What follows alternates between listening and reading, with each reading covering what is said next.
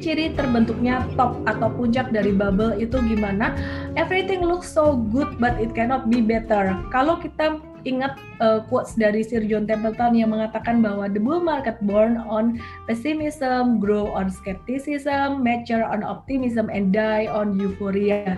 Ya, jadi ini pada masa tops ini terjadi uh, euforia. Ya, Bank Sentral mulai memperketat. Ingat ada dua macam, ada dua macam uh, debt cycle, ada yang inflationary, ada yang deflationary.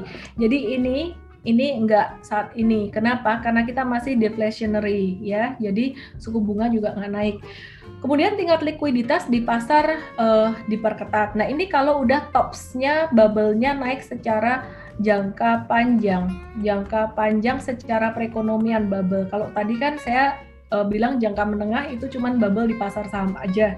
Sedangkan kalau secara perekonomian sebenarnya saat ini kita belum bubble. Masyarakat membeli investment aset di harga tinggi dengan utang, tapi returnnya tidak memadai, jadi terlalu uh, optimis ya, dan terbentuk inverse yield curve kayak gitu.